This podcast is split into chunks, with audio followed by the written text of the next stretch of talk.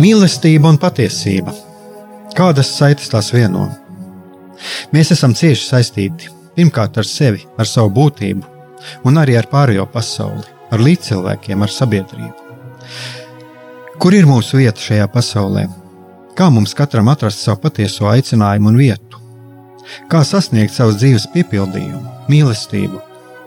Kādi šķēršļi gan mūsu sirdī un prātā sastopamie, gan ārējie aizķēso mūsu ceļu pie Dieva? Šie jautājumi ir mūsu dzīves sastāvdaļa, svarīgi mūsu ceļā uz svētumu. Meklēsim šajā raidījumā kopā atbildes uz šiem jautājumiem. Ieklausīsimies, ko Dievs mums vēlas pateikt ar visu, ko sastopam savā dzīvē. Lai mūsu sirds un prāti atveras mīlestībai un patiesībai, raidījums mīliet citu citu.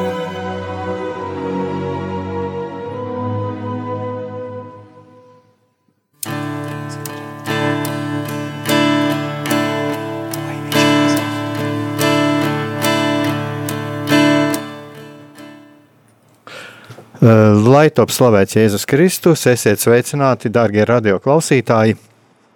Šis atkal ir raidījums, mīliet citu citu, un es ļoti atvainojos arī par šīm, varbūt šīm tehniskajām nepilnībām, kas šeit var būt, jo jāsaka tā, ka, nu, man šī pogu spaidīšana ir galīgi sveša, bet, nu, cerēsim, ka, ka, ka kaut kas izdosies, un atkal pie mums Eh, viesojas eh, vēsturnieks Edgars eh, Engīzers, un mēs turpinām sarunu par vēstures mītiem par, un par sabiedrībā populāriem priekšstatiem, par pagātnes notikumiem. Un, un Edgars ir dzirdams? Labvakar. Aha, tā tad arī, arī. Arī mani var dzirdēt. Aha. Man nedaudz ir jāatvainojās tiem skatītājiem, kas, kas vēro šo, šo ierakstu iespējams vai, vai sociālos tīklos vai kur, jo uh, mūsdienu apstākļi, maistēdi, maistrādi un, un uh, dažādi ierobežojumi, pakāpeniski atcelšana, tā skaitā arī uz, uz bērnu kopšanas pienākumiem, kas, uh, kas attiecās, tad šodien es esmu tādā mobilā studijas formātā Uh, nu, jā, bet uh, man šķiet, ka tā mobilā studija savā ziņā arī tā raksturo šo laiku. Uh, un, um, jā, tas ir kaut kāda tāda, man šķiet, pat kādreiz ieliek tādu dinamiku, un tad, kad mēs runājam par vēsturi, tad uh, varbūt arī vēsturniekiem nākotnē būs ko paskatīties arī uz šiem visiem notikumiem, un arī paskatīties uz šo, kā šis redzējums noticis, un, un, un arī kā uz kaut ko tādu, kas eh, raksturo šo laiku. Jā, neapšaubām. Tieši tāpat kā mēs skatāmies Un uh, esam pat iedevuši zināmus un atpazīstamus apzīmējumus 20. gadiem vai, vai 30. gadiem pagājušajā gadsimtā. Es domāju, ka uh, nākotnē arī 21. gadsimta otrā desmitgada vai šie 20. gadi uh, zināmā mērā tiks, tiks noteikti arī raksturot ar tādām globālām īpatnībām, globāliem procesiem, kurus mēs tagad visi esam uh, varbūt ne aiz labu prātu, bet spiestā kārtā, eh, kam, kam mēs ejam cauri un kam mēs dzīvojam. Nu, ja mēs skatāmies vispār arī uz to pagātni, tad ja mēs varam varbūt arī um, tagad paskatīties tā, vai Uh, nu, ta, tas ir tāds futuristisks domas, bet, ja mēs nu, izvērtējot pagātni, uh, cilvēka dabu un uh, skatoties uh, no šīs perspektīvas, kādā mēs esam šodien uz nākotni, uh, tad jau mums ir jārēķinās, ka arī par šo laiku būs dažādi, mm, nu, teiksim, maldīgi priekšstati. Protams, un nevis būs, bet viņi jau šobrīd ir. Mēs redzam, sevišķi visas diskusijas, kas ir saistītas ar, ar medijiem un, un informācijas apritēm un, un, un to, ko šobrīd lepni sauc par mediju pratību vai, vai tās trūkumu atsevišķos gadījumos. Eh, tas viss ir, eh, ar ko eh, saskaramies ne tikai šobrīd, bet ar ko vēsturnieks strādās un, iedarbinās tās zinātniskā darba metodas, ko, ko mēs pazīstam kā avotu kritiku, lai atšķirtu maldas no patiesības un, un, un muļķības no prātīgām lietām, kas nav jau raksturīgas tikai mūsdienām. Tieši tāpat tās ir bijušas raksturīgas arī simt gadu atpakaļ, un, un senāk un nesenāk, jo uh, informācija, nu, kopš rakstītais vārds uh, sevi ir parādījis tādā masveida izpausmē, nu, gan drīz vai jāsaka, kopš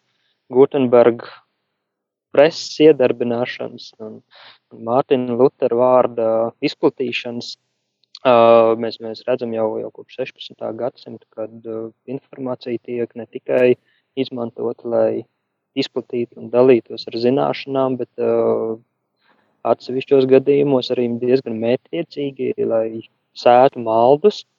Uh, mēs uh, redzam, tas, kas šobrīd ir apzīmēts, nu, varētu teikt, pēdējos piecos gados, varbūt drusku, drusku vairāk. Uh, mēs pazīstam tādu apzīmējam kā hibrīda karš, bet jebkurš, kurš ir nedaudz vairāk papētījis varbūt tās militāro teorētiķu un filozofu rakstu darbus, pilnīgi droši apliecinās, ka, ka šīs pašas darbības, mēģinājumi ietekmēt pretinieku prātus, uh, ir bijuši gadsimtiem un faktiski mēs redzam jau kopš uh, pirmajiem filozofiskiem traktātiem par to, kādā veidā iekarot uh, kādu citu tautu, piemēram, kur uh, tiek uzsvērts, ka daudz svarīgāk ir nevis iekarot teritoriju, bet iekarot cilvēku prātus.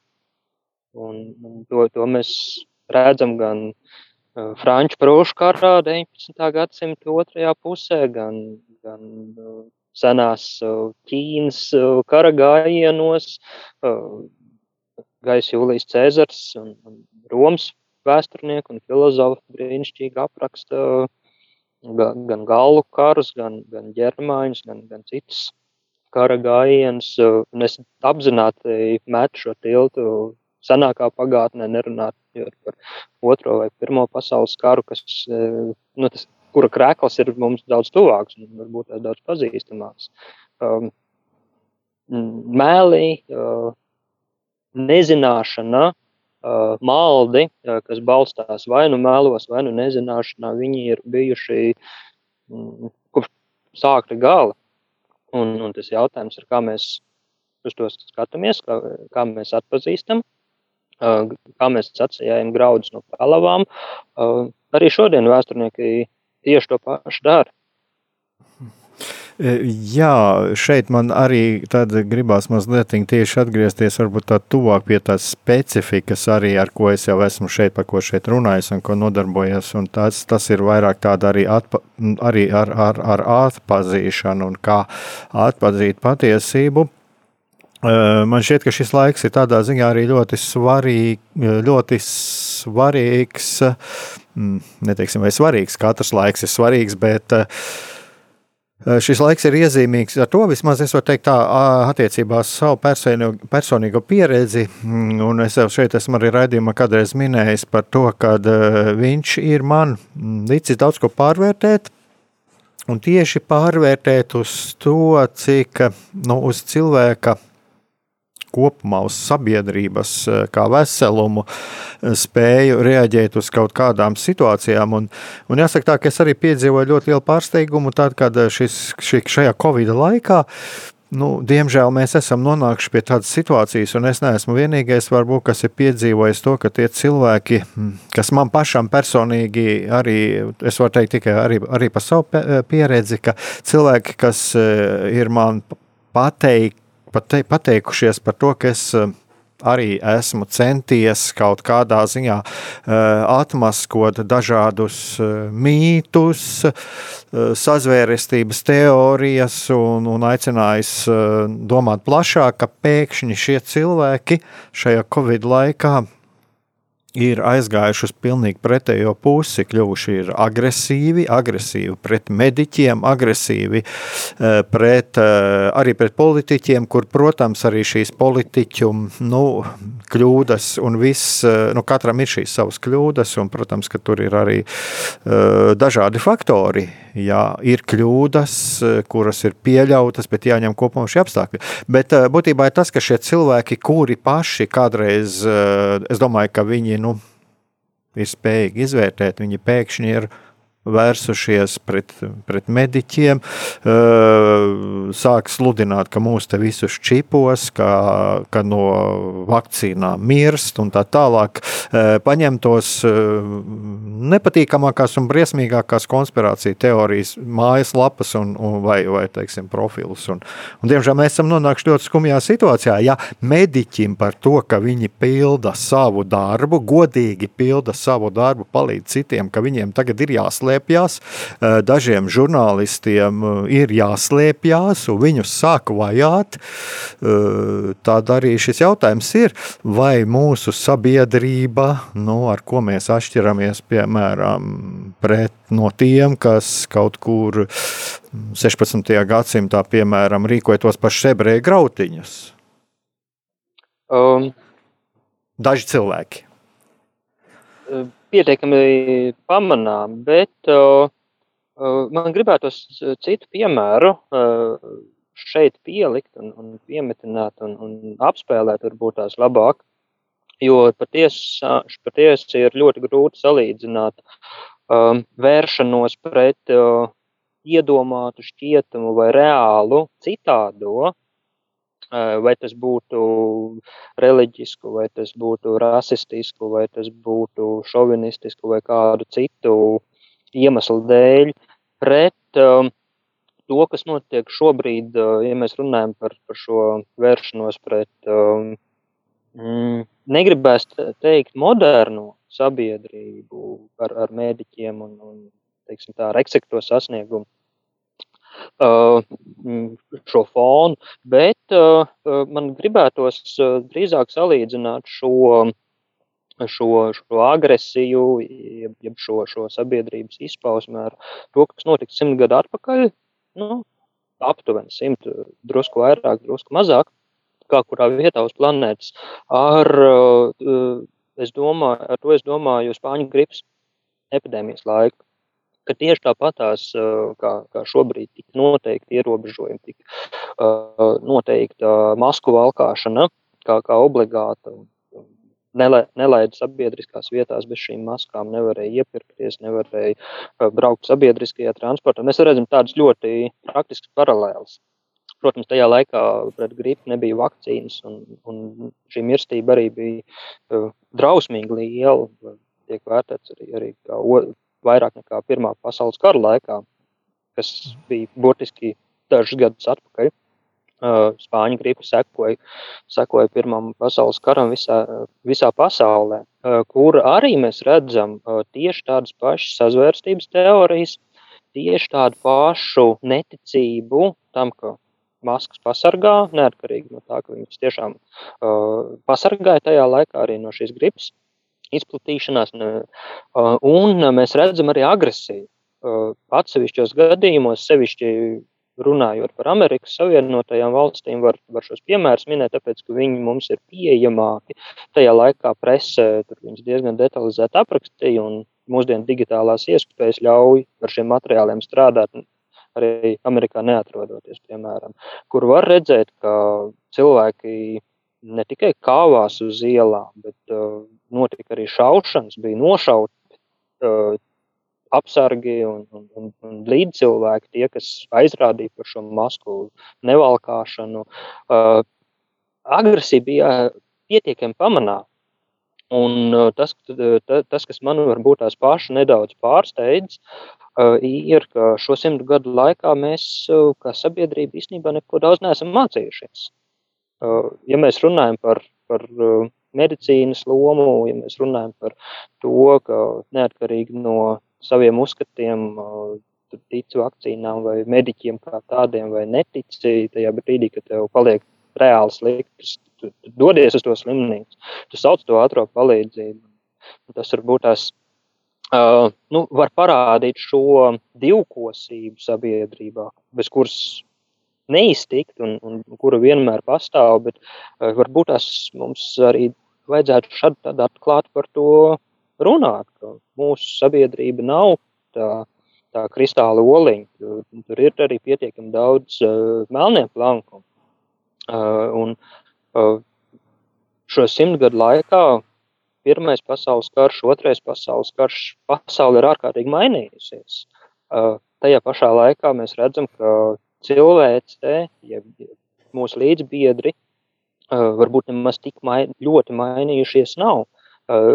Katram ir savu priekšstatu, katram ir savas fobijas, bailes, nezināšanas. Un, un ja mēs runājam par šo agresiju, kas neapšaubām Latvijā arī ir, un, un varbūt tās šis laiks ar, ar šo mm, unikalitāti, šis ārkārtējais laiks, ne tikai tādā valdības lēmumu nosaukumos, bet, bet viņš tiešām ir ārkārtējs laiks, kā mēs dzīvojam cauri. Viņš tikai sāsina to, kas uh, līdz šim ir bijis pietiekami labi noslēpts. Uh, nav jau tā, ka mēs uh, kā sabiedrība uzskatos sašķeļamies tikai dēļ vakcīnām vai, vai dēļ maskām. Šie, šie dažādie sabiedrības um, segmenti, šie, šie klāsteri ir pastāvējuši vienmēr, vai, vai tā ir attieksme pret citādi izskatošies cilvēkiem, vai, vai citādi domājošiem cilvēkiem, vai citādi ticošiem cilvēkiem. Tas, kas šobrīd ir mainījies, ir, nu, jūs arī redzat šobrīd mani, tie sociālie tīkli un iespēja, ka katrs mazais, eh, varbūt tās nepārāk prātīgais eh, viedoklītis eh, tiks novadīts līdz miljoniem citu cilvēku. Un, un tas, ir, tas ir tas, par ko kādreiz runāju, un es arī ar, ar dažiem žurnālistiem par šo esmu runājis. Nemaz netika sen atpakaļ, gadus desmit pat, ja mēs par Latviju runājam, nu, 20 noteikti bija ļoti skaidra redakcionāla atbildība. Un tas, kas medijos bija nonācis, žurnāli, bija gājis cauri žurnālisti, prātam un sirdī, redaktoru atbildībai. Un, protams, tur arī bija ļoti dažādi viedokļi. Un šīs redakcijas un redakcionālās politikas bija ļoti dažādas, bet uh, nebija tik daudz atklātu muļķību un atklātu melu, uh, publiskajā telpā. Uh, kur šeit ir problēma? Un, uh, es domāju, ka jebkurš no mums uh, atcerēsies uh, savus skolas gadus. Ja mēs runājam par ticību vai neticību mediķiem, tad uh, tas jautājums ir ļoti vienkāršs. Uh, ko mēs atceramies no, no skolas laika, ko mums mūsu skolotāji ir iemācījuši? Un vienmēr klasē ir bijuši skolēni, kas sēž pirmajā solā, un vienmēr klasē ir bijuši skolēni, kas sēž pēdējā solā un sit zolīt zem galda. Tajā laikā, kad bioloģijas, piemēram, skolotājs stāsta par, par vīrusiem, par vakcīnām vai, vai kaut, ko, kaut ko citu, kas tajā laikā pavisam neinteresē. Nu, pēc tam dabū savu četrnieku un staigā laimīgi. Jo atstāt uz otru gadu tāpatās arī skolotājiem liela iekāra nav, kas nozīmē papildus darbu, kas papildus netiek atalgots. Uh, un šobrīd, manuprāt, mēs redzam šo, šo lielāko uh, dalījumu sabiedrībā tieši starp šiem uh, nu, nosacīti pirmā un pēdējā sola iemītniekiem. Nevis šobrīd, bet uh, 20, 30 un 40 gadus atpakaļ. Uh, skaidrs, ka pamat atbildība ir uz uh, visiem iepriekšējiem izglītības ministriem. Un, un es nedomāju, ka mums ir jārunā par, par, par, par kaut kādu atsevišķu uh, procesu. Uh, mums vienkārši ir jāatzīst, ka sabiedrība varbūt nav tik gudra, nav tik vieda, uh, arī izvērtējot uh, šo informāciju. Jo skaidrs, ja es neesmu eksperts bioķīmijā, un man viens stāsta par vakcīnām kaut ko vienu, un otrs stāsta diametrāli pretēji, es, es tur apjūtu. Uh, ja man uh, jautājums ir par šīm bāzes zināšanām, uz kurām arī tad orientējās tie, kas viņus skaidro. Es kā vēsturnieks varu ieslēgt pie kaut kādu līmeni, piemēram, runāt par pagātni, ārkārtīgi sarežģīti. Kas parasti notiek zinātniskās konferencēs, kur tiek apspēlēts eh, viens vai otrs ļoti, ļoti neliels, bet ārkārtīgi būtisks eh, vai nu vēsturiskās domas uztvers elements, vai, vai nu kāds eh, neliels fak, fakts vai, vai, vai šīs šī interpretācija, pareizāk sakot, kas liek mainīt kādu koncepciju kaut kādā nelielā dimensijā, kas ir ārkārtīgi svarīga priekš citiem vēsturniekiem, bet nu, tāds uh, cilvēks no malas, kurš nav nozares speciālists, uh, teiks, nu, ko viņi tur, es atvainojos, mū, kuro tas vispār interesē. Uh, tad šis jautājums ir, kā mēs mākam skaidrot lietas, kur jāatzīst gan mūsu politiķi, gan arī mūsu mediķi, varbūt tās arī ir pieļāvuši atsevišķas kļūdas, nepiezemējoties līdz tai valodai, un arī šobrīd klausoties, mēs runājam par valodām. Kā, kā kurš runā, jo lielāks eksperts, jo nesaprotamāk viņš izsakās. Un tas ir ir normāli, un tas, tas ir arī saprotams, jo ne jau tāpēc viņam maksā naudu, lai viņš saprotam izteiktos. Viņam maksā naudu, lai viņš zinātu, ko viņš dara, un uh, varētu virzīt kaut kādus citus procesus. Bet, bet tieši šī skaidrošana ir ārkārtīgi svarīga. Bet, bet pavisam cits stāsts uh, no šī uh, otrais cēliens šim stāstam ir par vēlmu klausīties.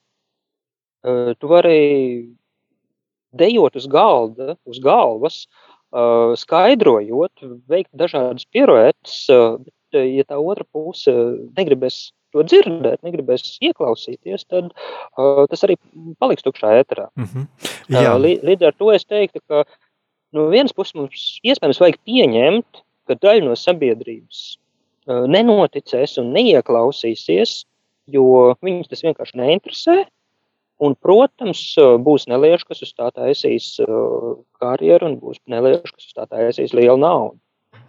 Jā, uh, es eh, tagad gribētu tomēr atgriezties pie vēstures, bet kāpēc es arī tā vienkārši arī ļāvu šo visu izteikt? Eh, man bija jau tāds mm, raidījums pirms kāda laika par domāšanas mākslu, un man šķiet, ka šis arī savā ziņā eh, savā ziņā šo papildina, un tur arī mēs varētu daudz ko saprast no tā, kā, kā mēs uzturam šos pagātnes procesus Un, ehm, jā, eh, nu, kas ir šeit tāds vadmatīvs, ko es tādu redzu, kad eh, ir jāsaprot to, ka ir, eh, es kādreiz tā saku, 99,9% no pasaules mēs vispār kā indivīds neviens nesaprotam.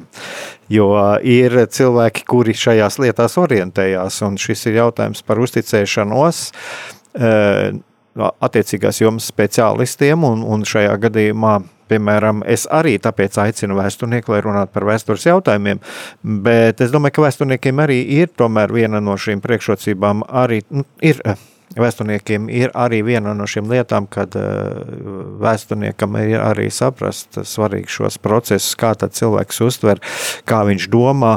Un, ko es gribētu tā teikt arī no savas puses, tad, ja es eh, lasu kaut ko vai, vai es nesaprotu no tā, ko cilvēki runā, man, tad man vienkārši jāapzinās to, ka visdrīzāk iespējams, ka man trūkst zināšana par šo jomu. Un es vairāk skatos tomēr no šī cilvēka darba rezultāta mums jau ir arī aicināts skatīties kādas viņam zinātniskas publikācijas un tā tālāk, lai mēs to autentiskumu saprastu, bet nu, lielākā daļa jau arī cilvēku to neskatīsies. Un šeit varbūt ir šis jautājums jau par pazemību, pazemību pieņemt to, ka kāds kādā ziņā ir gudrāks kā es.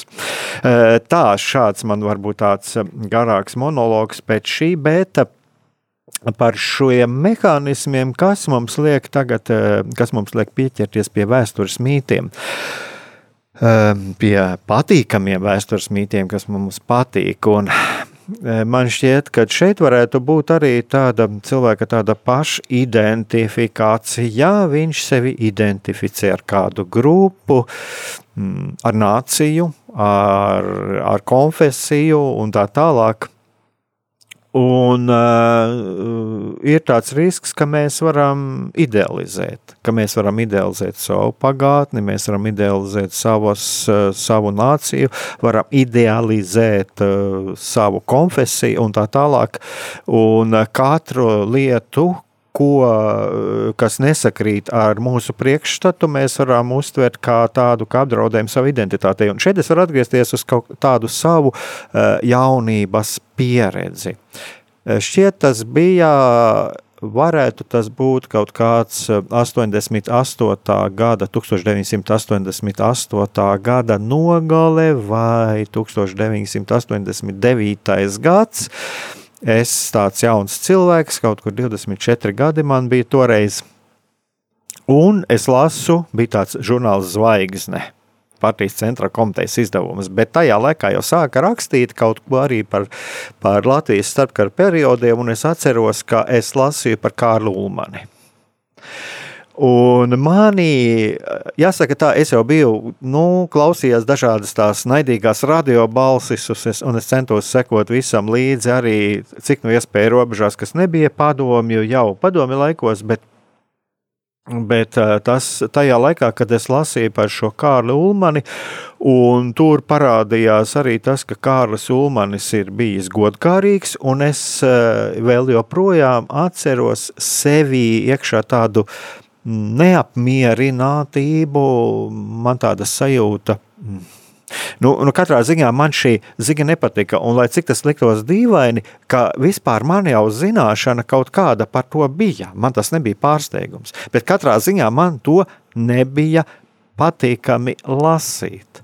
Un vai tikai šeit arī nav tas pats, kas attiecas, kāpēc cilvēki turās pie kaut kāda mīta, ka vienkārši uh, uzzināt kaut kādus patiesus faktus, kas neatbilst viņa priekšstatam, ka kaut kādā ziņā viņš uh, var sajusties, ka viņa identitāte ir apdraudēta.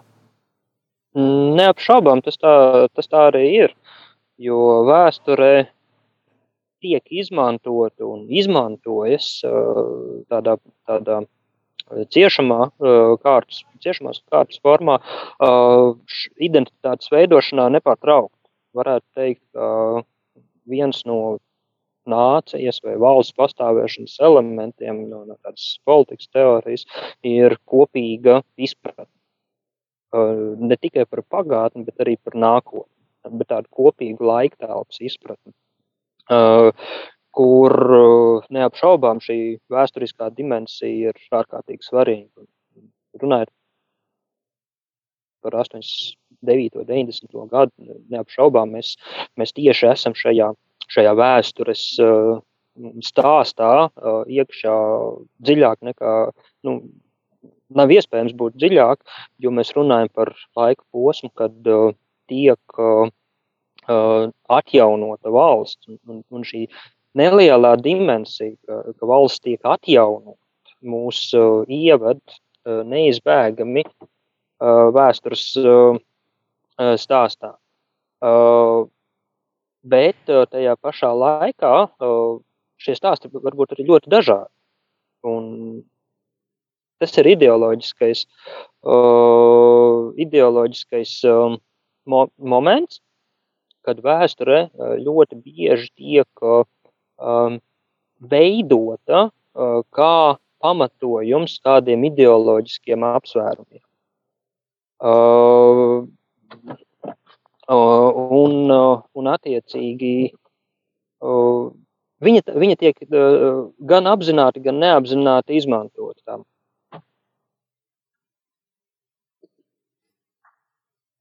Mhm. Tātad šeit ir, jā, šeit, šeit ir tā, tā lieta, ka mums arī to ir jāapzinās, eh, savā ziņā saskaroties ar vēstures jautājumiem, ka mūs eh, arī var, var, iz, var izmantot. Nu, vēsture tiek izmantot, lai mūs ietekmētu mūsu rīcību, domāšanu un rīcību.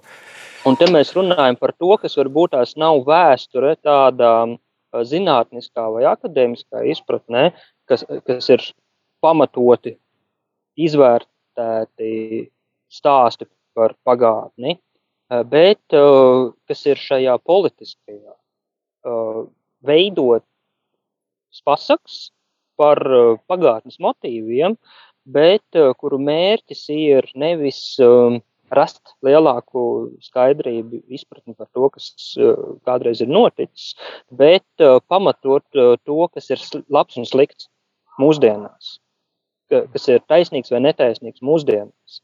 Un visa politika, mēs, mēs zinām, lielā mērā balstās uz šī taisnīguma izpratni, kas nav viennozīmīgi, kas vienam var būt labs, otram var būt slikts. Kā mēs zinām uh, no vecās līdzības, uh, kas ir kārtība priekš zirnekļa, ir pilnīgs haoss priekš mušas. Un, un tieši tāpatās arī par šīm, šīm ideiskajiem, filozofiskajiem vērtējumiem. Uh, un, un vēsture diezgan bieži uh, tiek izmantota, uh, lai pamatotu kaut kādas darbības mūsdienās. Tas, sevišķi, ja mēs runājam par politiku, sevišķi, ja mēs runājam par starptautiskajām attiecībām, kur pamatā ir šis taisnīguma jautājums.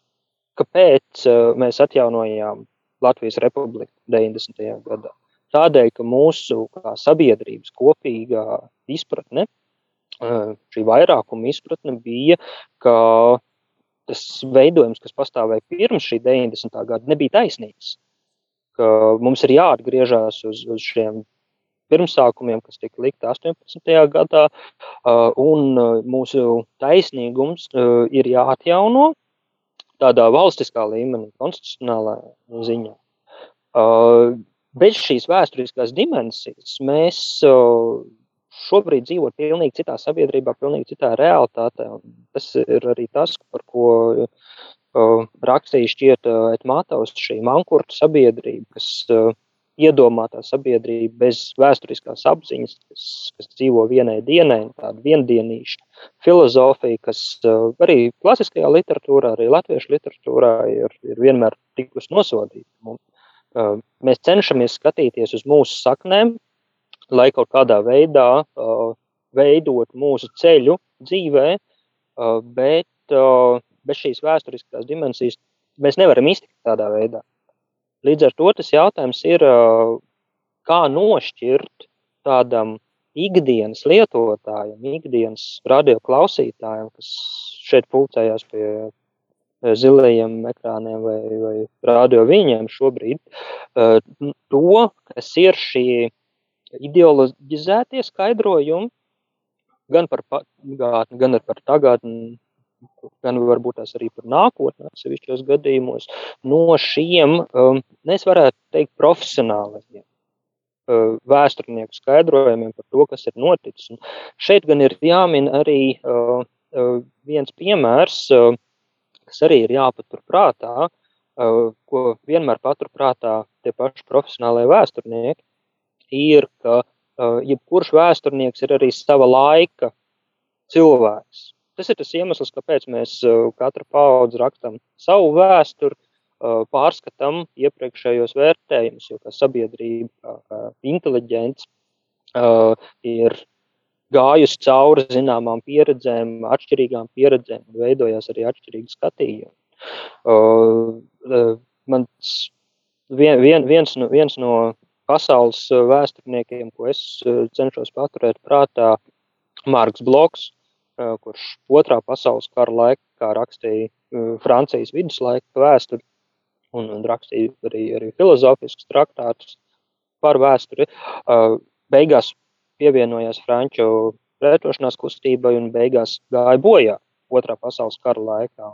Un, un skaidrs, ka Mēs jebkurš esam mūsu laikmeta cilvēks. Mēs nevaram uh, izlikties, ka uh, es kā vēsturnieks, es kā vēstures zinātājs tagad esmu no 19. gadsimta vai, vai pirmskara uh, sabiedrības vai, vai tur pirms kristīgās sabiedrības cilvēki. Mēs nevaram iekāpt tajās kurpēs tādā pilnvērtīgā veidā. Uh, un uh, šī apziņa iespējams arī atšķir profesionālās vēsturniekus no vēstures interesantiem, kas ļoti bieži interesējas par kādu vienu jautājumu, paķer kādu vienu tēmu un uh, jūtas laimīgi par to. Un tur nevar viņiem, nevar, nevar un nevajag to pārmest. Uh, bet uh, varbūt tās tiešām ir jāsaprot šo, šī vēsturnieku loma sabiedrībā, uh, drusku kritiskāk paskatīties uh, gan pašiem uz sevi, gan arī uz to uh, tām pagātnes liecībām, kas uh, ir mūsu rokās. Runājot par Ulmanu, uh, ļoti populārs piemērs tas ir, uh, ņemot vērā tieši šo 90. gadu sākumu, 80. gadu beigu sabiedrību. Jo lielākoties uh, tās romantizētais. Nu, teiksim, vēsturnieku aprindās mēs biežāk lietojam romantizēt to kā apzīmējumu nekā, nekā šo ide, idealizēto. Īstenībā viņi nedaudz saskan arī kopā. Šis romantizētais ulmaņa un ulmaņa laiku vērtējums lielākoties veidojās tajā paudzē, kas ulmaņa laiks bija piedzīvojis. Un 80. gadu beigās tie bija tie cilvēki, kas ulmaņa laikos gāja skolā. Lielākoties. Paskatāmies uz saviem bērniem, kāds būs, iedomājamies, kāds būs viņu vērtējums par šo laiku. Vai viņš būs ļoti kritisks? Es domāju, ka nē. Jo tas būs tas labais, ko viņi būs piedzīvojuši. Un, un attiecīgi šīs bērnu agro jaunības gadu atmiņas, uh, viņas vienmēr uh, gadiem ejot, uh, kļūst tikai pozitīvākas. Tas, tas nav ne labi, ne slikti, tas vienkārši tā notiek. Un, un tas ir jāņem vērā. Tajā brīdī, kad veidojās šis ūmeņa laiku rožainais uztveres skaidrojums. Uh, pirmkārt, uh, tā bija tā dzīvā paudze, kas dalījās ar savām atmiņām, uh, kas skaidri redzēja, ka laiks un šie daži gadi pirms otrā pasaules kara neapšaubāmi ir labāks laiks viņu pieredzē nekā tas, kas sekoja pēc tam. To, kas bija pirms tam, varbūt es viņu nemaz neatcerējās. Mhm. Pa, un, un, un otrs, kā arī vēstures zinātnē, ienāca diezgan daudz uh, literatūras, tā skaitā arī par ūmeņa laikiem no trimdes, uh, kur savukārt ļoti daudz iegūla ūmeņa laika, nu, mūsdienās teikt, funkcionāri.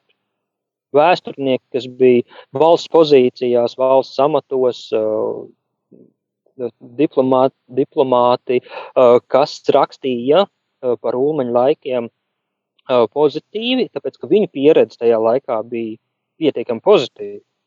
Un, protams, šī, šī neatkarības zaudēšana, kā, kā Armagedons, otrā pasaules kara sākumā un, viss sekojošais negatīvais ar padomju okupāciju, li, lika skatīties uz ūmeņa laikiem labāk. Kritika sāk parādīties, varētu teikt, ap 2000 gadiem Latvijā vairāk, kad uh, nāk jauna paudze arī vēsturnieku vidū, un arī, kad uh, notiek jau uh, šī pārvērtēšana, kad uh, vairāk avoti ir apstrādāti, kad cilvēki ir vairāk pētījuši. Um, parādās, ļo, uh, man, man ļoti simpatizē vesela kustība, kas runā par Miķelu Valteru starpkara perioda politikā un sabiedrība mm -hmm. un viņu nopelniem. Jā, Jāni Čaksti. Mm -hmm. uh, Kārlis Ulmans nav vairs figūra numur viens. Kā tas bija izveidots viņa paša diktatūras laika propagandas un ideoloģijas, jeb sabiedrisko lietu ministrijas uh, vadībā. Jo, jo mēs skaidrs, ka mēs saskaramies arī ar apzināti veidotu tēlu. Jā, starp citu, jā, mēs runājam arī par Miķelu Valteru. Vispār savā ziņā, es, nu, ja mēs skatāmies uz tādām pozitīvajām autoritātēm, man šķiet, ka Miķels Valters ir viens no tiem, kurš varbūt būtu pelnījis pieminekli Latvijā. Un, ja būtu, nu, man ir grūti, es vismaz cik es zinu par Miķelu Valteru, man būtu grūti iedomāties Miķelu Valteru kā kā diktatoru, bet uh, es esmu savu laiku pat datorā ievadījis un ļoti daudz strādājis. Tad, kad vēl nebija interneta, piemēram, Miķēļa Valters saraksts ar Kārli Ulmani un, un, un Vilhelmu, Vilhelmu Munteru, man šķiet, ka nu, viņš tomēr bija no tiem, kas uh, nedziedāja līdzi. Lai gan tādā pašā laikā viņš paglābās, jo viņš nevis bija Latvijā, bet okupācijas laikā, ja nemaldos, viņš bija Beļģijā. Viņš kaut kādā ziņā man šķiet ir pelnījis pieminekli mums. Nu, sāksim ar to, ka mūsu atmiņas kultūra, jeb šī pieminēšanas kultūra, manā skatījumā ir ārkārtīgi perversa. Uh, šī vārda tādā klasiskā izpratnē, uh, jo izņemot kapus un nesen uzlikto pieminiektu Jālgavas pilsētā, mums pat uh, pirmajam valsts prezidentam Jānim Čakstam galvaspilsētā nav pieminiektu. Mums mūsu tādā kolektīvajā atmiņā uh, tiek uh, gan apzināti, gan arī neapzināti dzēsti šie tēli, kas ir stāvējuši pie uh, valsts šūpuļa. Uh, zināmā mērā arī Umaņa laika propagandas iespējā, jo gan Miķels Vālters, gan arī daudz citi bija vēlāk viņam opozīcijā zināmā. Miķels Valters ne jau tāpat vien atradās ārpus Latvijas. Viņš tika nosūtīts kā vēstnieks arī zināmā mērā tādēļ, ka Latvijā viņš bija viens no retajiem, varētu pat teikt, vienīgais, kurš atļāvās palaist muti. Tā runājot gan par, gan ar uh, vadoni, viņš bija vienīgais, kurš atļāvās publiski viņu uzrunāt uz tu, ņemot vērā viņu iepriekšējo pazīšanos un darbību pat pirms valsts uh, dibināšanas laikiem, bet, uh, protams, ka Kārlis Ulmans to uztvēra kā draudu un, un, un kā nepaklausību. Uh, tā, tāpēc to, ka Miķels Valters bija zināmā veidā nosūtīts tādā diplomātiskā trimdā, uh, to arī dar paturēt prātā. Uh, mēs, ja mēs paskatāmies uz valsts pirmsākumiem, uz, uz 18. gadu, man ārkārtīgi simpatizē Ārveda Berga vai, vai, vai piemēram, Ernesta Blanka pozīcijas šajā laikā, jo tas, ko mēs esam drusku pazaudējuši, ir skats uz to pašu tautas padomu no kāda tad viņi veidojās. Mēs it kā atceramies, ka tur bija sociāldemokrāti, mēs it kā atceramies to, ka tur bija zemnieku savienība, tās lielās partijas, bet tajā pašā laikā tur bija ļoti daudzi citi politiskie spēki un citas ideoloģiskās grupas. Daudz mazākas, bet uh, Nacionāldemokrātu partija, uh, Kārls Skalbe kā, kā politiķis, ne tikai kā rakstnieks. Ļoti daudz citi, kas tiešām deva savu intelektuālo tādu dvēseles ieguldījumu Latvijas veidošanā, bet tādā jau 30. gadu skatījumā, un arī mūsdienās mēs pamatā skatāmies uz, uz tiem nedaudzajiem ministriem, un, un viņu nestajām idejām. Mēs, mēs sekojam līdzi tādiem lielajiem brendiem, ja var mūsdienu valodu piemērot uz šo laiku, bet, ja iet dziļumā, tad tas laiks ir daudz, daudz raibāks, daudz garšīgāks, daudz, daudz piesātinātāks arī ar cilvēku. Miķels Vālters, kā viens no viņiem, es, es centos nosaukt dažus citus uzvārdus, bet, bet, protams, tie cilvēki, kurus būtu vērts pieminēt, ir pietiekami garš saraksts, kas netiek darīts, un te arī tas rodas jautājums, kāpēc tas netiek darīts. Pirmais, neliela atbilde ir tas, ka mūsu atmiņu kultūra lielā mērā veidojās jau Ulmaņa laikos jeb šīs diktatūras laikā, kad uh, no publiskās uh, pieminēšanas, uh, no publiskās vidas tika izgrūsti ārā visi oponenti. Tas ir saprotams tajā brīdī, kad mēs apstājamies un par to padomājam. Padomju laikā mēs saprotam, ka par demokrātiskās Latvijas celmlaužiem neviens īsti nerunāja un, arī nezināja. Šīs zināšanas tika aiz, zaudētas. Un šobrīd, īstenībā pat šīs sarunas ietvaros, es domāju, ka mēs cenšamies atjaunot kaut kādu izpratni, kaut kādu zināšanu kopumu par, par mūsu demokrātiju. Jo tas jautājums, kas tad īsti ir Latvija, ļoti daudziem būs dažādas atbildes. Vai mēs runājam par latviešu zemi, valsti, vai mēs runājam par uh, Latviju kā geogrāfisku apzīmējumu, vai mēs runājam par demokrātiju uh, kā pārvaldes formu un, un iesaistošu sabiedrību. Uh, mēs redzam, ka gan 20. gan 30. gados uzskati bija ļoti dažādi, un tieši tādi paši viņi arī ir šobrīd. Uh, varbūt tās šāda piemiņas politikas izveide varētu veicināt arī mūsu paša demokrātijas nostiprināšanos, bet tā, tā īpatnība ir tāda, ka mums valstī tādas noteiktas atmiņas politikas nav.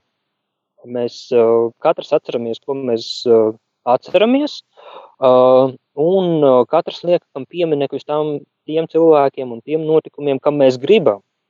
Līdz ar to mums tas pats Rīgas centrs, un ne tikai Rīgas centrs, ir ļoti izraibināts ar dažādām piemiņas zīmēm, kas ir saglabājušās gan no pirmskara laikiem, gan no padomju laikiem.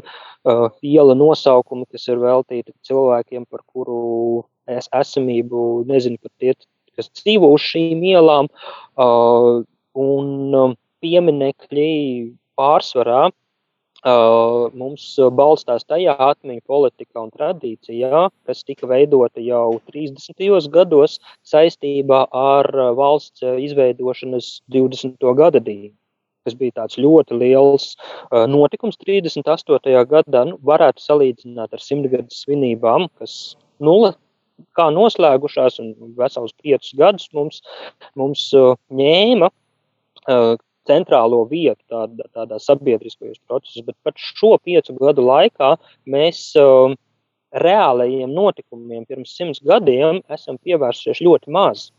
Mēs esam vairāk uzmanības un, un arī naudas uh, veltījuši dažādiem salūtiem un dažādām instalācijām, nekā um, nostiprināt vai, vai atgriezties pie zināšanām uh, par valsts pirmsākumiem, uh, kas uh, pastāvēja arī tajos pašos 20. gados. Un, un es zinu, ka atradīsies kāds, kurš arī mani kritizēs noteikti, bet, ja mēs runājam arī par Latviešu vai Latvijas nācijas veidošanos, mēs, mēs tomēr redzam, ka ne jau veltes atversmē ir ierakstīts, ka valsts vara pieder Latvijas tautai. Tika veidot šī iekļaujošā sabiedrība un um, it kā pazīstamie konflikti starp, starp baltvāciešiem un, vai, vai pareizāk sakot, vācu baltiešiem un, un, un latviešiem vai, vai citām minoritātēm, viņi ir no vienas puses esoši, bet no otras puses viņi nepasaka pilnībā par šo sabiedrības miedarbību. Mēs redzam, ka um, Tieši tāpat kā mūsdienās, šie konflikti eh, ļoti daudzos gadījumos dzīvo uh, saimas uzrunās un avīžu virsrakstos, bet uh, reāli starp cilvēkiem, starp rīdzniekiem vai, vai valmieriešiem šo šādu konfliktu nav. Uh, vai viņi vismaz nav tik izteikti vai tik eskalēti, kā mēs to redzam, Tad, kad mēs paskatāmies, piemēram, ak, Dievs, par ko rakstīja avīzes pirms simts gadiem. Tieši tāpat kā mūsdienās viņi rakstīja par ak, Dievs, šausmas, uh, kāpēc, lai viņus nopirktu. Mm -hmm. Lai tas virsraksts piesaistītu uzmanību. Mm -hmm. Tā ir šausmas, jā, šausmu kurināšana. E, nu, jā, jāsaka tā, ka mūs, mums jau, mēs vēl varētu daudz un daudz runāt. Man vēl ir palikuši daži jautājumi, kurus šķiet, par kuriem mēs varētu parunāt, un varbūt kādreiz arī pievērsties kaut kādām tādām konkrētām lietām. Bet nu, ir tā pienācis, ka raidījums jau tuvojas noslēgumam.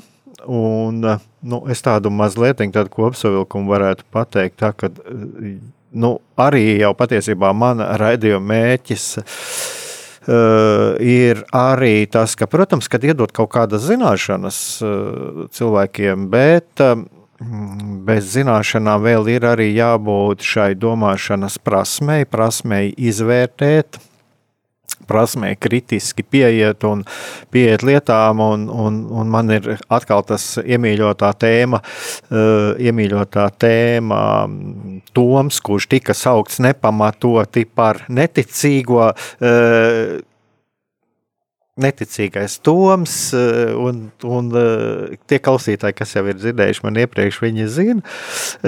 Es gribu atkal pie tā atgriezties, tad, kad Toms, tad, kad viņam pārējie mācekļi stāstīja, kad viņi satikuši Jēzu augšām celto, tad Toms pateica, es tagad saviem vārdiem saku, Toms visu uzreiz nenoticēja, bet viņš teica, pirms es nebūšu ielicis savu roku viņa rētās, es neticēšu. Un es domāju, ka šeit ir viena ļoti, ļoti svarīga lieta būt, nebūt naiviem, neskriet līdzi arī tam, ko citi domā, kādreiz ir mums jā, jāseko līdzi šiem profesionāļiem un eh, jāseko līdzi, bet vienmēr pieiet arī kritiski, ielikt arī savu kritisko domāšanu visās lietās. Bet tā pašā laikā būt arī atvērtam. Jā, ja tiešām pierādīsies tas, ko man saka, ja tas ir patiess, tad es arī to pieņemšu. Un, un es domāju, ka tas ir arī attiecībā uz mūsu pagātni, paskatīties arī, kāpēc man ir šāds pieņēmums, un kādreiz, kad es kaut ko dzirdu par vēstures faktiem, kad man rodās kaut kādas emocijas, kaut kādas negatīvas emocijas, arī padomāt, kāpēc tās ir jo varbūt tas aizskar kaut ko manī, ko es vienkārši nevēlos dzirdēt un nevēlos redzēt. Un tam vēl varētu piemetināt to, ka tajā brīdī, kad mēs saskaramies ar šo emocionālo uztveri, ir ļoti grūti, bet ļoti liederīgi uz mirkli apstāties un padomāt, kurš ir tas, kurš man šo stāsta un kāpēc tas tiek darīts.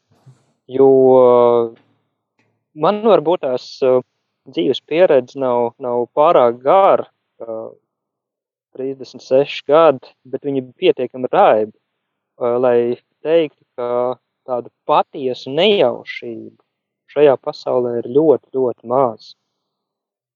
Ir lietas, kuras mēs zinām, ir lietas, kuras mēs neapzināmies, bet uh, pat runājot arī par pagātni, tā ļoti tāliem notikumiem, tādā ikdienas uh, līmenī, ikdienas uh, valodā, nerunājot par uh, spo, zinātni kā sportu, kāpēc tieši šie notikumi tieši šie cilvēki tiek šobrīd aktualizēti, tiek šobrīd izvirzīti. Uh, reizēm šis atbildes varētu būt ļoti viegli iegūstams un ļoti interesants. Uh, varbūt tās arī tādas, kurš ļaus drusku padomāt uh, savādāk par to, kas tad vispār notiek apkārt. Tātad mācīsimies kritiski domāt, mācīsimies, jā, mācīsimies vispār domāt, un jāatgriežas arī pie tiem pašiem Jēzus vārdiem. Un jūs atzīsiet patiesību, un patiesība darīs jūs brīvus. Tātad mūsu raidījums noslēdzies. Un studijā šeit biju es, Aigars Brīsmanis, un tiešām liels paldies uh, vēsturniekam Edgaram Gizeram par šo līdzdalību. Es ceru, ka, ka tiešām bija labi dzirdams, un ka arī būs vēl tālāk, ka bija labi redzams, un ka arī tālāk būs labi redzams. Un, un tiešām es arī vēlos pateikt pateicību gan Edgaram, gan pārējiem vēsturniekiem un visiem savas jomas speciālistiem, kuri ar savu darbu ar savu pieeju lietām tiešām dara visu, lai mūsu pa pasaule būtu jā, zinošāka, e, gudrāka un lai pasaule kļūtu tiešām labāka un drošāka. Lielas paldies un uz sadzināšanos nākamajā reizē, lai mūs visus pavada Dieva žēlastība. Uz sadzirdēšanos!